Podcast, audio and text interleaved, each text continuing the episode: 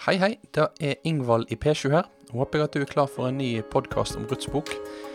I det forrige programmet så nevnte jeg da at hvis noen ville høre mer om det å lese om Kristus i Det gamle testamentet, så skulle jeg vurdere å spille inn en sånn spesialepisode om det. Jeg jobber med denne episoden. Jeg kan ikke love at eh, det resulterer i et ferdig program, men forhåpentligvis så kommer jeg til å komme med en litt lengre spesialepisode om å lese Kristus i Det gamle testamentet mot slutten av denne uka. Så det som interesserer deg for sånne ting, så har det litt å se fram imot når helga snart kommer. Men i dag så er det en vanlig podkast. Vi fortsetter på Ruths bokgjennomgangen. Og i dag så kommer vi til det punktet i boka når det er ingen vei tilbake for Ruth og Noomi.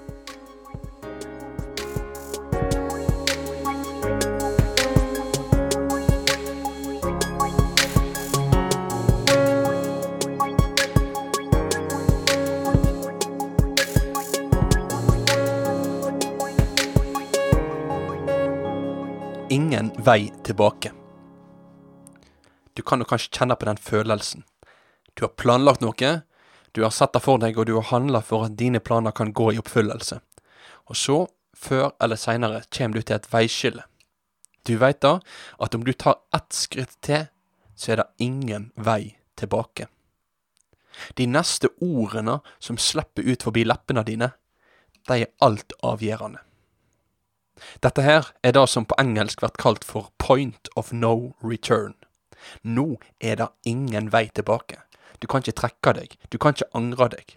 Det du nå gjør, det kommer til å bli definerende og avgjørende for framtida. Jeg husker en sånn hendelse i mitt liv. Det var det øyeblikket da den svenske venninna mi, Camilla, lurte på hva jeg egentlig mente med de meldingene jeg holdt på å sende til henne. Jeg husker det øyeblikket hun stilte meg det spørsmålet. Det var som om hjernen ble gira opp, tusen tanker gikk gjennom hodet samtidig. Det ene sekundet som var stille, for meg virka det som en evighet, der jeg tenkte gjennom ulike scenario. Skulle jeg late som ingenting og si at dette her bare var noe jeg gjorde? Eller skulle jeg være ærlig, blottstille meg og mine intensjoner, og legge alle kortene på bordet om at jeg hadde sansen for henne, og at jeg gjerne ville at vi skulle bli bedre kjent? Jeg visste da at uansett hva jeg gjorde, så kom dette til å bli avgjørende. Så kom dette til å bli definerende. Det var ingen mulighet for å angre eller spole tilbake. De neste ordene mine, de kom til å prege vår relasjon. Heldigvis feiga jeg ikke ut. Heldigvis våga jeg å fortelle henne sannheten, og i dag så er jeg lykkelig gift med denne fantastiske kvinna. Det er ikke alltid at de valgene vi tar ved sånne veiskiller, har lykkelige utfall, men uansett så kan vi gjenkjenne det. Noen ganger er det ingen vei tilbake. I Rødts bok så kommer vi nå til det som er denne boka sitt point of no return. Vi skal i denne episoden her stoppe opp for det øyeblikket da Ruth blottstiller sine intensjoner for Boas. Hva kommer til å skje? Vil hun bli avvist, eller blir hun møtt? Vi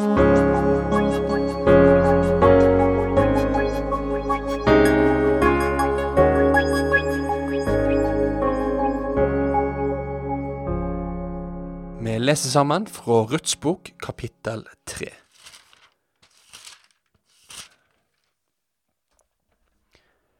Naomi, svigermor til Ruth, sa til henne, Datter mi, skulle jeg ikke sjå til å finne en heim til deg, så du kan få det godt? Hør, Boas er da slektningen vår, og det er tjenestejenten hans du har vært i lag med. Nå i natt eh, hiv han bygg på tresjeplassen. Du skal vaske deg og salve deg, ta så på deg finklær, og gå ned til treskeplassen.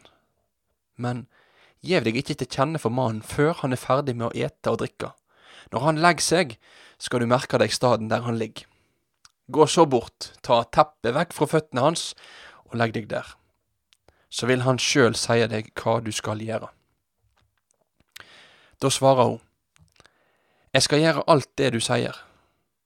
Hun gikk ned til tresjeplassen og gjorde alt slik svigermor henne hadde sagt. Boas åt og drakk og vart glad til sinns.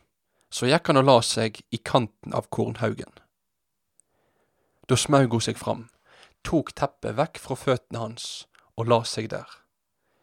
Ved midnattstid kvakk mannen til.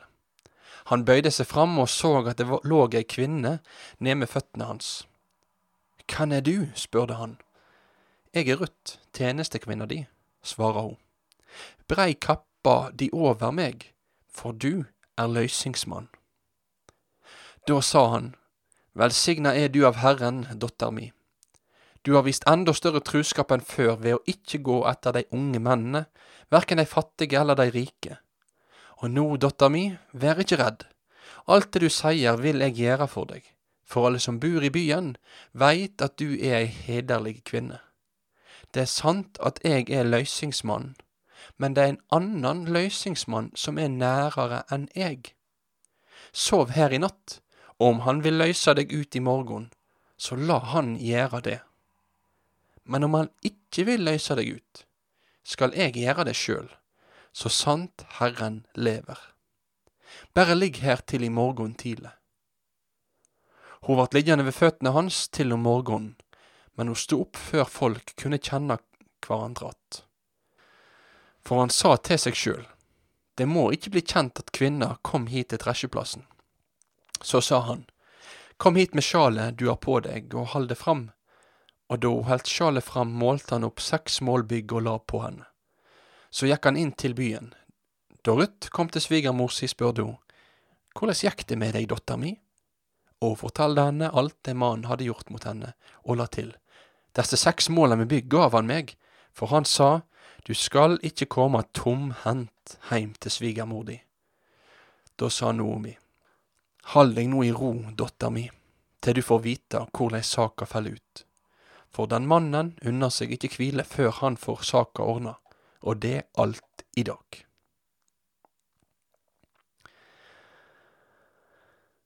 Etter at det andre kapittelet avslutta med at Noomi fortalte Ruth om at Boas var en av familiens løysingsmenn, så er spenningen stor. Hva skal de to kvinnene gjøre med denne informasjonen? Svaret det ser vi her i kapittel tre. Noomi hadde en plan, en plan uttenkt av ei kvinne som hadde vært ute ei vinternatt før.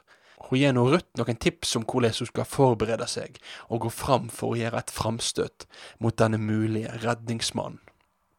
Og Ruth hun hører på Noomi. Hun vasker seg, hun pynter seg, og hun går ut til Boas, som ligger og sover ute på åkeren etter en lang dags arbeid. Boas merker ingenting, før han plutselig våkner og ser at det ligger ei kvinne ved føttene hans. Hvem er dette, og hva vil hun? Ruth legger alle korta på bordet.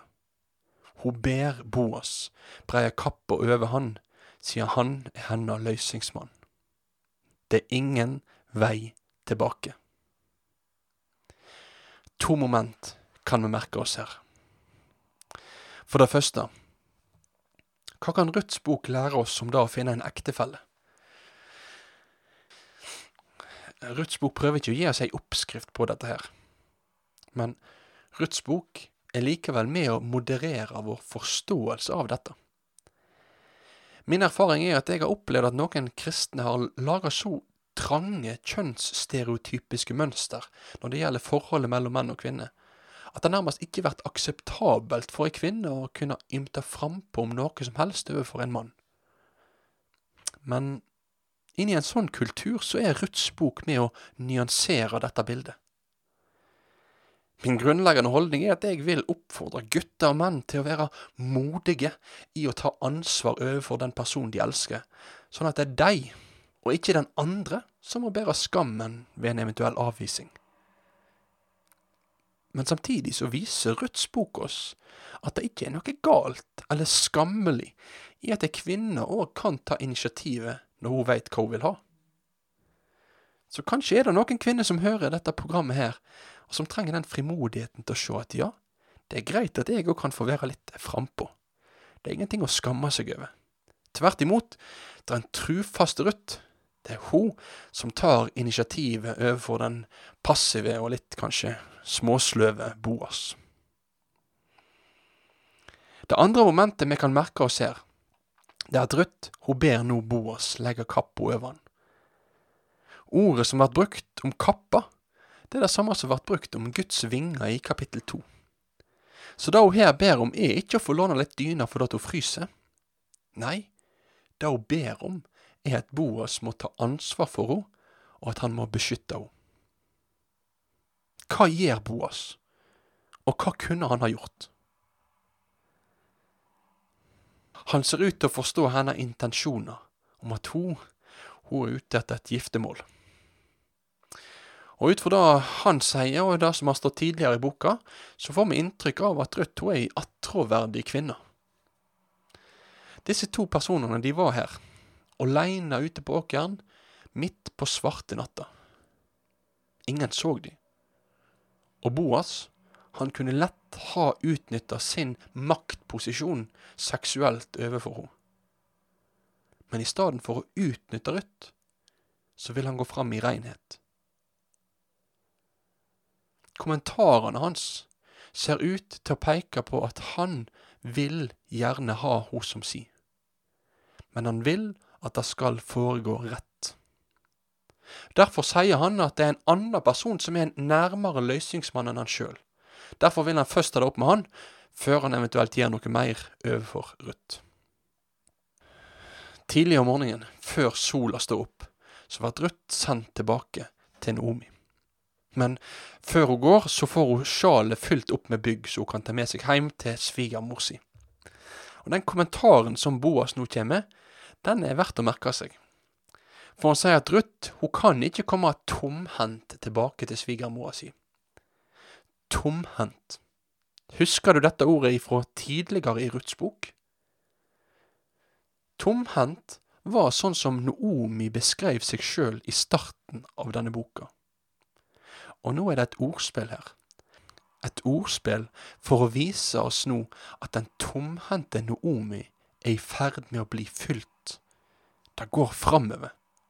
Mer og mer så har sola begynt å skinne i Noomi sitt liv som har vært så tynga av bitterhet og smerte. Det er håp. Redningen er ikke fullført ennå, men hun, og du og jeg som leser dette, vi begynner mer og mer å få øynene opp for at Guds redning er i emning. Derfor så er dette møtet òg et møte som viser oss hvordan Gud holder fram med å arbeide for å redde Noomi ut av hennes håpløse situasjon. Guds plan er ikke fullført, men den skrider framover. Og hva som skjer videre, ja, da skal vi komme til i det neste programmet av Ord til liv.